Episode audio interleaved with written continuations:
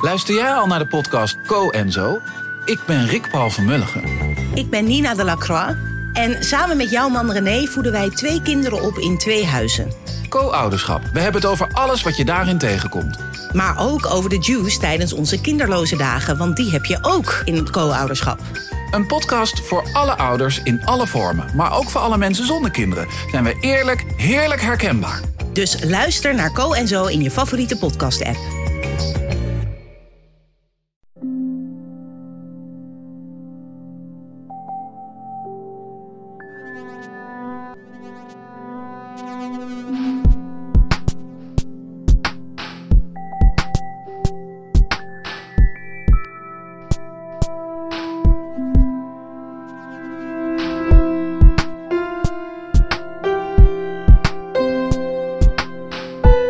Welkom bij Relaas, waarbij een mens zoals jij en ik een verhaal vertelt over iets dat hij ooit eens heeft meegemaakt. Je hoort zo meteen het verhaal van Thomas Noël, een mens die samen met zijn vriendin naar een onbewoond eiland is verhuisd. Het is een verhaal over ontheemding, wat dacht je? Over een mens die op zoek gaat naar iets anders in het leven. Iemand die de liefde van zijn leven maar enkele keer zag, op reis, op onmogelijke plaatsen. Dat is een prachtig verhaal. Live opgenomen in UZ in Gent in maart van 2016.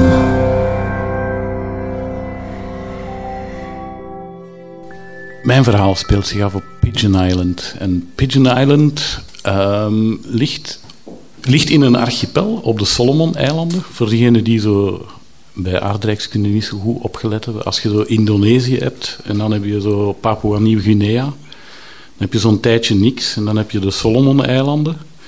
En dan aan het uiteinde van heel die eilandenreeks heb je nog één eilandje, dat heet Santa Cruz. Als je daar een bootje neemt, zo afhankelijk van het weer, tussen de vier en de acht uur, dan belanden op de Reef Islands. En dat is een vulkanische archipel. En midden in dat vulkanische archipel ligt Pigeon Island. En Pigeon Island is ongeveer 200 meter lang en 80 meter breed. En in het midden staat een huisje. En dan liggen daar zo wat eilandjes verspreid rond. En als je op dat eiland bent en je kijkt rond, en dan zie je fris groen gras. Je ziet palmbomen, je ziet bomen met vruchten waarvan ik de naam niet weet, maar die heel lekker zijn. Maar ik zou bij god niet weten wat het is. Kokosnoten, uh, papayas, dat soort dingen. En dan kijk je rond en dan zie je... Voor een schilder moet dat magnifiek zijn, want ik heb nog nooit zoveel verschillende variaties van blauw gezien. Het blauw van de lucht, het blauw van... Het blauw, water kan ongeveer ongelooflijk veel verschillende soorten blauw hebben.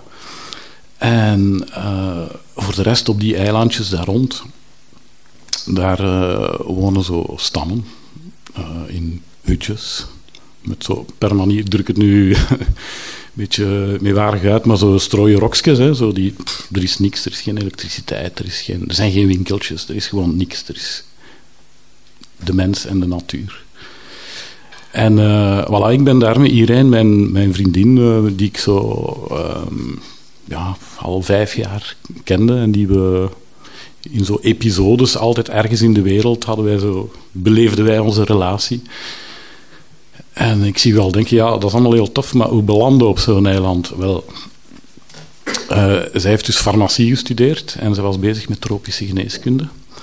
En op een dag valt ze op een, een, uh, een advertentie op een, uh, een, website van een of andere Zwitserse dokter die een malaria-project deed ergens in de Solomon-eilanden. En die advertentie zei van, we zoeken babysitters voor het eiland. Wij denken zo van, yes, dat is het. En er werd ook zo voorgesteld van een paradijselijk oord en je kunt daar drie, vier maanden gaan zitten, dat is geweldig. En wij bellen aan elkaar, oké, tof, we doen dat. En ja, enkele weken later zit ik op een vliegtuig richting Australië. Vandaar, dan, bon, het is lang verhaal kort. Het heeft een week geduurd ongeveer om daar te geraken. en, uh, maar eigenlijk, eigenlijk moet ik het verhaal beginnen in 1947 om correct te zijn. Want dan komen we uit bij de eigenares van het, uh, het eiland. En dat was Diane Hepworth. Diane Hepworth was een, in die tijd een, een, een, fotomodel in Londen. Ook aan zich een fantastisch verhaal, want die, die was verliefd geworden op haar fotograaf. Die heette Thomas. Geweldig ook, hè? Thomas Hepworth. En uh, die hadden zo'n zotte relatie. Die zeiden, wij gaan de wereld rondvaren, rondzeilen met een zeilboot. Die hebben dat twaalf jaar gedaan.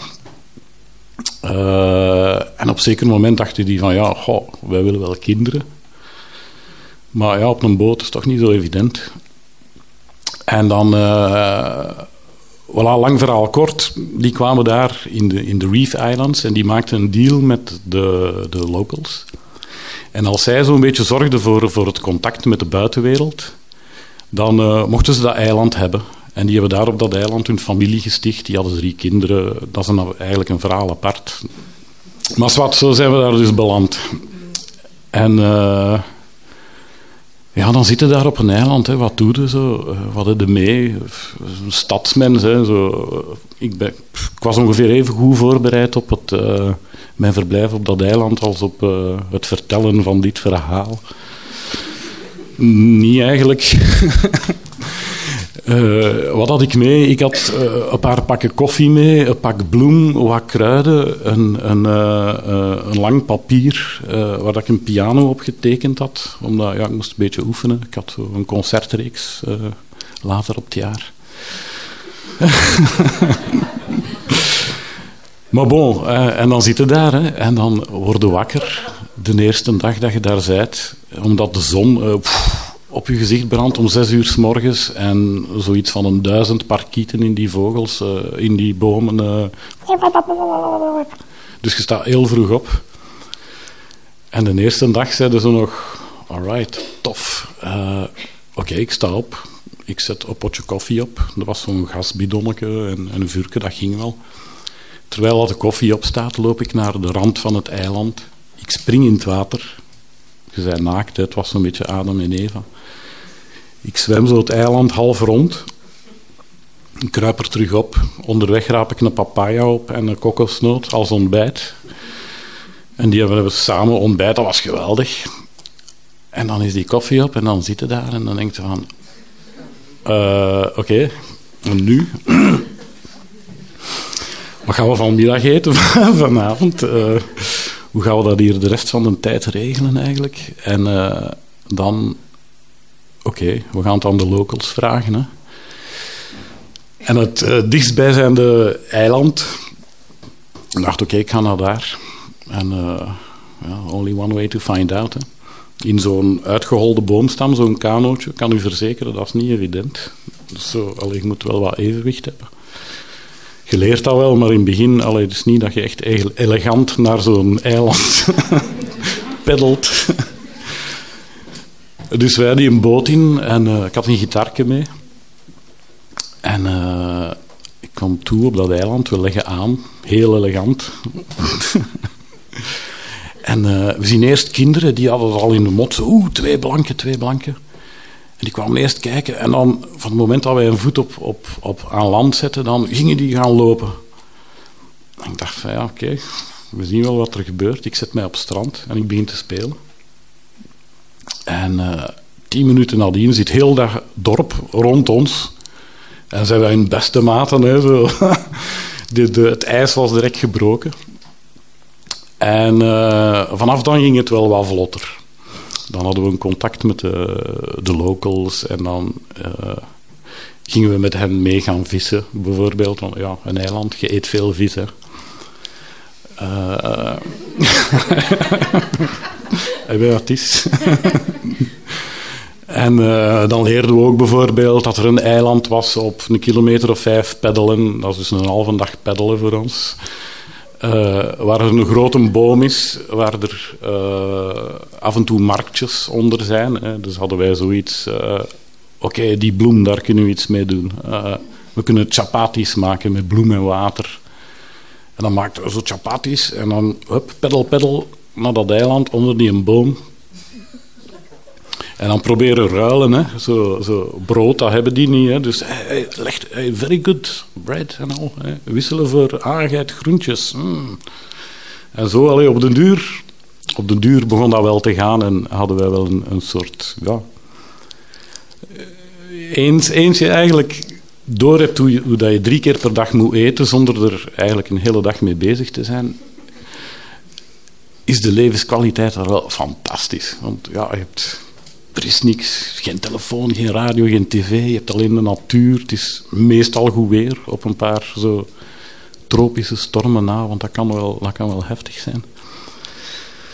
Uh, voilà, dus dat was eigenlijk heel tof. We hadden een heel goede tijd. Um, en ook het feit dat je op een eiland zit als, als stadsmens, dat heeft wel iets. Dat kan heel goed voelen om je geïsoleerd te voelen. Het heeft zoiets, het is misschien een raar vergelijking, maar zo een, een baarmoeder. Hè? Je, kan er niet uit. Je zit daarop, je kan er niet uit, maar het is wel lekker warm, het is mooi en je hebt al wat je nodig hebt. Zo. Het is eigenlijk heel tof.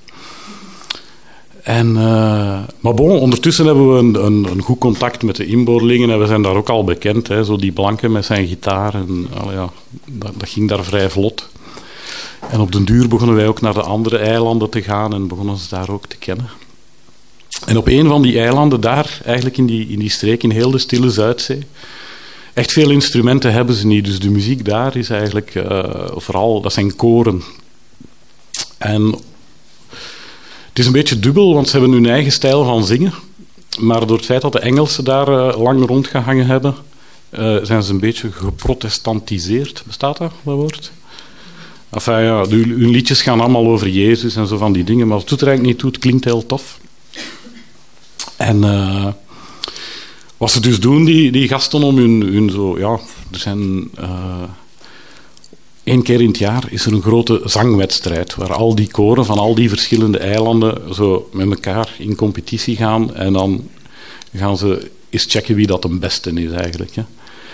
En dus die mannen van dat dorp waar ik zo een beetje bevriend mee was, waar ik geregeld kwam, die hadden zoiets van, ja ja, een blanke muzikant, weet je wat, jij, jij bent onze coach. Dan gaan we dat zeker winnen dat was heel tof. Hè. Ik heb met die, met, die mannen gerepeteerd, dan opnames gedaan. En, en zo, wow, geweldig, zo'n koptelefoon. Hey, maar dat zijn wij, wow. die kennen dat niet. en uh, voilà, dus de grote dag is daar. Hè, zo heel dat koor in zo'n boot. Uh, en dat was een motorboot, chance, want het was, het was serieus aan het varen. Zo. We moesten dan moeten peddelen, dat zou een serieuze affaire geweest zijn. Maar dus wij allemaal in dat bootje hè, en uh, naar een eiland waar dan die competitie was. En uh, dus al die koren zitten daar en er is een jury en er wordt gegeten. Hè. Dat is ook trouwens nog tof, zo eten. Dat is al, altijd een beetje hetzelfde. Vis. en af en toe een groenteke. En dat doen ze dan in zo'n zo'n bananenblad. En ze graven een put in de grond, ze steken daar vurken in. En als het vuurke zo begint te smeulen, dan gooien ze hun bananenbladeren erin en ze doen er aarde op. En dan doen ze twee uur iets anders. En dan graven ze dat terug op en dan is het klaar. Heel lekker. maar bon, en dan uh, is de wedstrijd daar en iedereen doet zijn ding. En dan is het, terwijl dat, dat eten klaar is en dat je eet, is het vol spanning af, afwachten op de, het resultaat van de jury. En dan bleek natuurlijk dat wij gewonnen hadden. En dan twee minuten later bleek dat we misschien toch tweedes waren. En een kwartiertje nadien waren we dan toch derdes geworden. Waarschijnlijk vonden ze dat, ja, zo die blanken hebben hier al genoeg gekoloniseerd, we gaan ze ook niet alles laten winnen. Maar aan zich, allee, dat was heel tof en, en dat heeft... Uh, maakt wel de muziek connecteert, geconnecteerd altijd met iedereen hè, op die manier. Het is eh, heel, heel makkelijk. Um, maar ja, dan, oké, dan zet op je gemak. Hè. Dan denkt je van, ik, ik, ken hier, uh, ik weet hoe dat moet. Ik ben een overlever, ik ben een stadsmens, maar ik kan dat hier. We hebben dat hier volledig onder controle. Weet je wat we gaan doen vandaag? Ginder is zo die vulkaan die ervoor gezorgd heeft dat dat archipel is ontstaan. We gaan daar naartoe. Dat kan toch niet zo ver zijn. En we hebben een motorboot met gerantsoeneerde benzine en af en toe mogen we die wel eens gebruiken. Dus die een dag was het een dag van, uh, oké, we gaan naar de vulkaan. Dus wij met ons tweeën in dat bootje en we zijn weg. En zo, ik ga zeggen halverwege, maar ik kan het moeilijk inschatten, ergens in open zee vallen we een beetje in pan. In zo'n rif. Ja, je moet dat een beetje weten. Nu weet ik dat, maar toen wist ik dat niet. Dat is in zo'n archipel, dat zit vol riffen, koraalriffen, en je moet toch een beetje je weg weten. Allee, je moet niet zo, kun niet zo rechtdoor ergens naartoe gaan, dat, dat werkt niet. En dus wij zaten daar vast en dan zo van, oei, ja, wat nu? Maar geen water mee, geen, geen, geen boterhammetjes, per manier van spreken, wel niks mee eigenlijk. Maar wij dachten, wij vinden wel iets op dat eiland, hè. we kennen hier toch iedereen ondertussen. En uh, de zon begint dan zo onder te gaan en je denkt van, ja, we gaan iets moeten doen, hè. we gaan niet panikeren, hè. Nee, nee, dat gaan we niet doen. Uh, dan waren we zo slim van toch ervoor te zorgen dat we onze boot hadden vastgemaakt. Je moet elkaar echt graag zien in zo'n situaties, want anders is dat echt niet plezant. En, uh, maar dat was heel slim, want on, ondertussen was het echt donker en zo die idee van ergens daar weg te drijven met de stroming in een bootje. Je hebt geen radio, je hebt geen eten, dat is niet zo mooi vooruitzicht. En dan uh, is het donker, hè. En dan lieden daarmee twee. Je hebt een beetje honger, maar je hebt elkaar. en je hebt zo'n sterrenhemel die, die, die je nog nooit gezien hebt. Je kunt bij manier van spreken bijna een boek lezen, zo helder is dat. En uh, dat is wel speciaal. Want je weet het niet, je, hebt geen oplossing voor je probleem. Je wilt zelfs niet meer naar die vulkaan, je wilt gewoon terug naar dat eiland van waar je kwam. Maar je weet eigenlijk niet hoe. En je denkt van, kijk, ja, we gaan hier de nacht doorbrengen. En morgen vroeg gaan we een grandioos idee hebben en dan komt alles in orde. en uh, ik moet zeggen, dat was een van de meest romantische nachten van, van mijn leven. Met, met de vrouw van wie ik hield. Weten dat je, dat je misschien dood gaat gaan. En je zei samen, dat is toch mooi, hè? Maar boven de volgende dag, we waren heel vroeg wakker en we hadden zoiets van, weten wat we gaan doen? We gaan gewoon peddelen. En dat hebben we gedaan. We hebben uren, uren gepeddeld. En we zijn uiteindelijk terechtgekomen op een eiland waar dan mensen waren. En er was ook een radio. Geweldig. En, uh, maar ondertussen hadden de andere eilandbewoners dat al lang al door dat die twee blanken uh, dat die weg waren en ze waren ons al beginnen zoeken. En enfin, die, dat heeft niet lang geduurd of uh, die kwamen daartoe met een andere boot. Iedereen content. Ah, gelukkig, stel je voor, want je zou zo... Allez, voor hetzelfde geld waren de dood. Ah, ja, ja, dat is waar. Ja. En uh, die gast kijkt zo een keer naar die motor van die boot en die zegt, ja maar man, kijk, zie je wat dat is? Ik zeg, nee, wat is dat? Ah, wel, dat is een veiligheidspin. Je steekt dat daarin en die doet dat en die doet... En die motor marcheerde dus. uh, het is de eerste keer dat ik dat vertel, want eigenlijk komt het daar niet zo heel intelligent uit. maar omdat jullie zijn. Hè. dus ja, dan we hebben de hele tijd gezeten en dan was het tijd om afscheid te nemen. En een van de dingen die mij bijblijft van, van de mensen daar, behalve het feit dat ze heel grappig zijn en heel vriendelijk en, en heel coole mensen, is in hun omgang met dieren. Omdat bijvoorbeeld voor het afscheidsfeest hadden ze zoiets van, ja, we gaan vlees maken voor u. Je zult je vis wel beu zijn. Hè, het is uw laatste dag hier. We gaan echt een feest maken. En, en uh, uh, er was schildpad en er was kip. En die schildpad die hadden ze een paar dagen tevoren gevangen. Ik was daarbij, we waren mee gaan vissen. En dan vinden ze zo'n grote waterschildpad. En die zo, zo fier als een gieter met die schildpad. En wij hadden zoiets van, maar allee, dat is toch een beschermde diersoort. En doe het toch niet, af, ja, maar bon. Hè. Dus het was schildpad. En die had er al twee dagen gelegen op haar, op haar rug. Levend, ze laten die dan zo ja, uitlopen. Dat is echt vreed.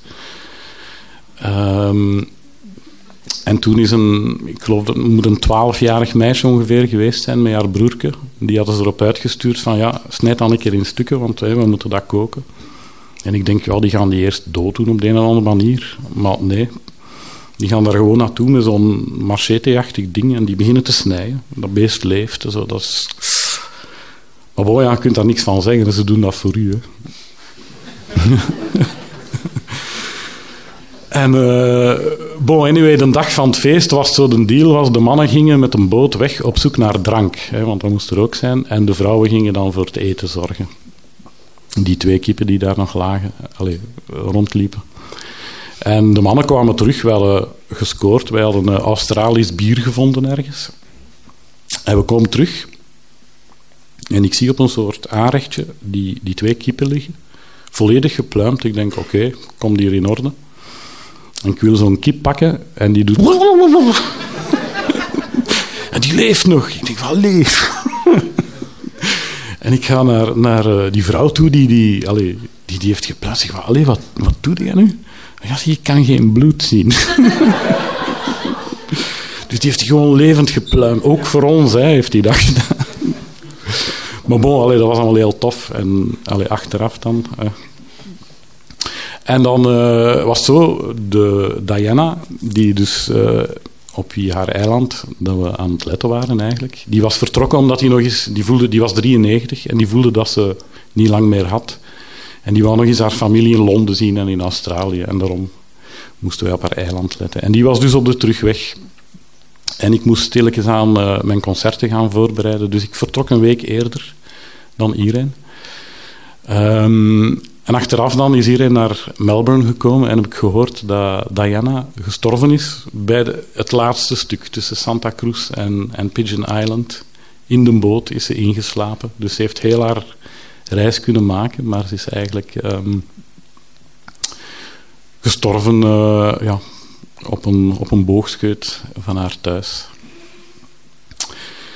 En uh, omdat de tijd toch redelijk op is, ga ik hier afronden. Maar ik ga misschien afronden met een, met een quote van uh, Isaac B. Singer, een, een Joodse schrijver, aan wie ik veel heb moeten denken toen ik op Pigeon Island was. En die mens die zei: Kennis is als een klein eiland in een grote oceaan van onwetenheid. Dank u wel.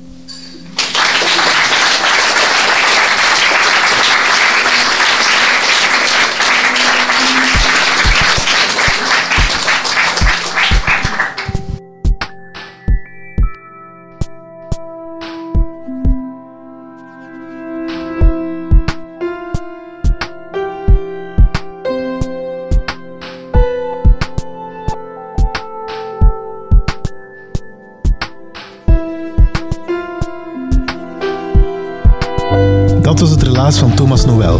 Hij vertelde het in maart 2016 in Husset in Gent. Thomas was duidelijk een avonturier. Dat zag je aan de manier waarop hij zich kleedde, aan zijn manier van in het leven staan. Ik weet niet hoe je het moet omschrijven, maar je voelt dat. Zo'n reis naar een onbewoond eiland, ik denk dat dat jou ook helemaal verandert. Ik vraag me af wat het met mij zou doen bijvoorbeeld, mocht ik na zeven jaar in eenzelfde job met hetzelfde stramien in het leven ooit eens volledig het roer omgooien en volledig wegtrekken van de wereld. Ik denk eerlijk gezegd dat ik het spoor zelf volledig bijster zou raken.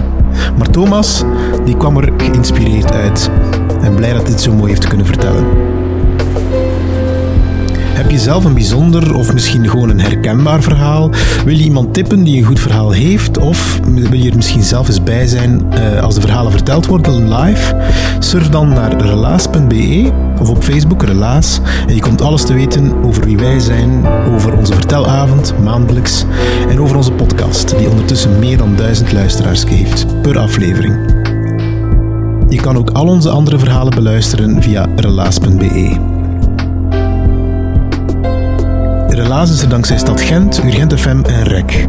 En dankzij onze ongelooflijke crew. Dieter van Huffel, Timon van de Voorde, Sarah Latree, Philip Cox, Evert Saver, Charlotte Huigen, Helena Verheijen, Kenny Vermeulen, Marilyn Michels, Rick Merci, Anne van den Nebelen en ikzelf ben Pieter Blomme. Dankzij jullie natuurlijk, de luisteraars en ambassadeurs van Relaas. Hou jullie niet in, vertel andere mensen over onze vertelavonden, maar ook over onze podcast. Abonneer hen op onze podcast, zijn die abonnementen die we nodig hebben. We waren trouwens met meer dan 800 voor de vorige aflevering. Dat maakt mij volledig blij. Doe zo voort. Keep spreading the word. En duizend man per aflevering, is dat niet de moeite om eens te sponsoren? Dat kan natuurlijk ook. Stuur een mailtje naar pieter.relaas.be en wij spreken eens af bij een kop koffie. podcast sponsoren, dan weet je ondertussen, dat is hip, super persoonlijk. Je spreekt die duizend mensen per aflevering persoonlijk en direct aan, in hun oren. Ik zou wel weten wat gedaan met mijn geld. Like ons op Facebook, typ relaas in, abonneer op onze podcast, dat kan via Soundcloud, maar ook via iTunes. Geef ons een waardering op iTunes, liefst met 4 sterren natuurlijk, maar je kan ook gewoon een comment achterlaten. Op die manier komt onze podcast hoger in de ranking terecht, zo werkt het, en vinden mensen ons makkelijker. Wees zoals die 13 andere mensen op iTunes die ons een uh, goede waardering hebben achtergelaten. Laat ons wat sterretjes achter en wat feedback. We zijn jou heel dankbaar.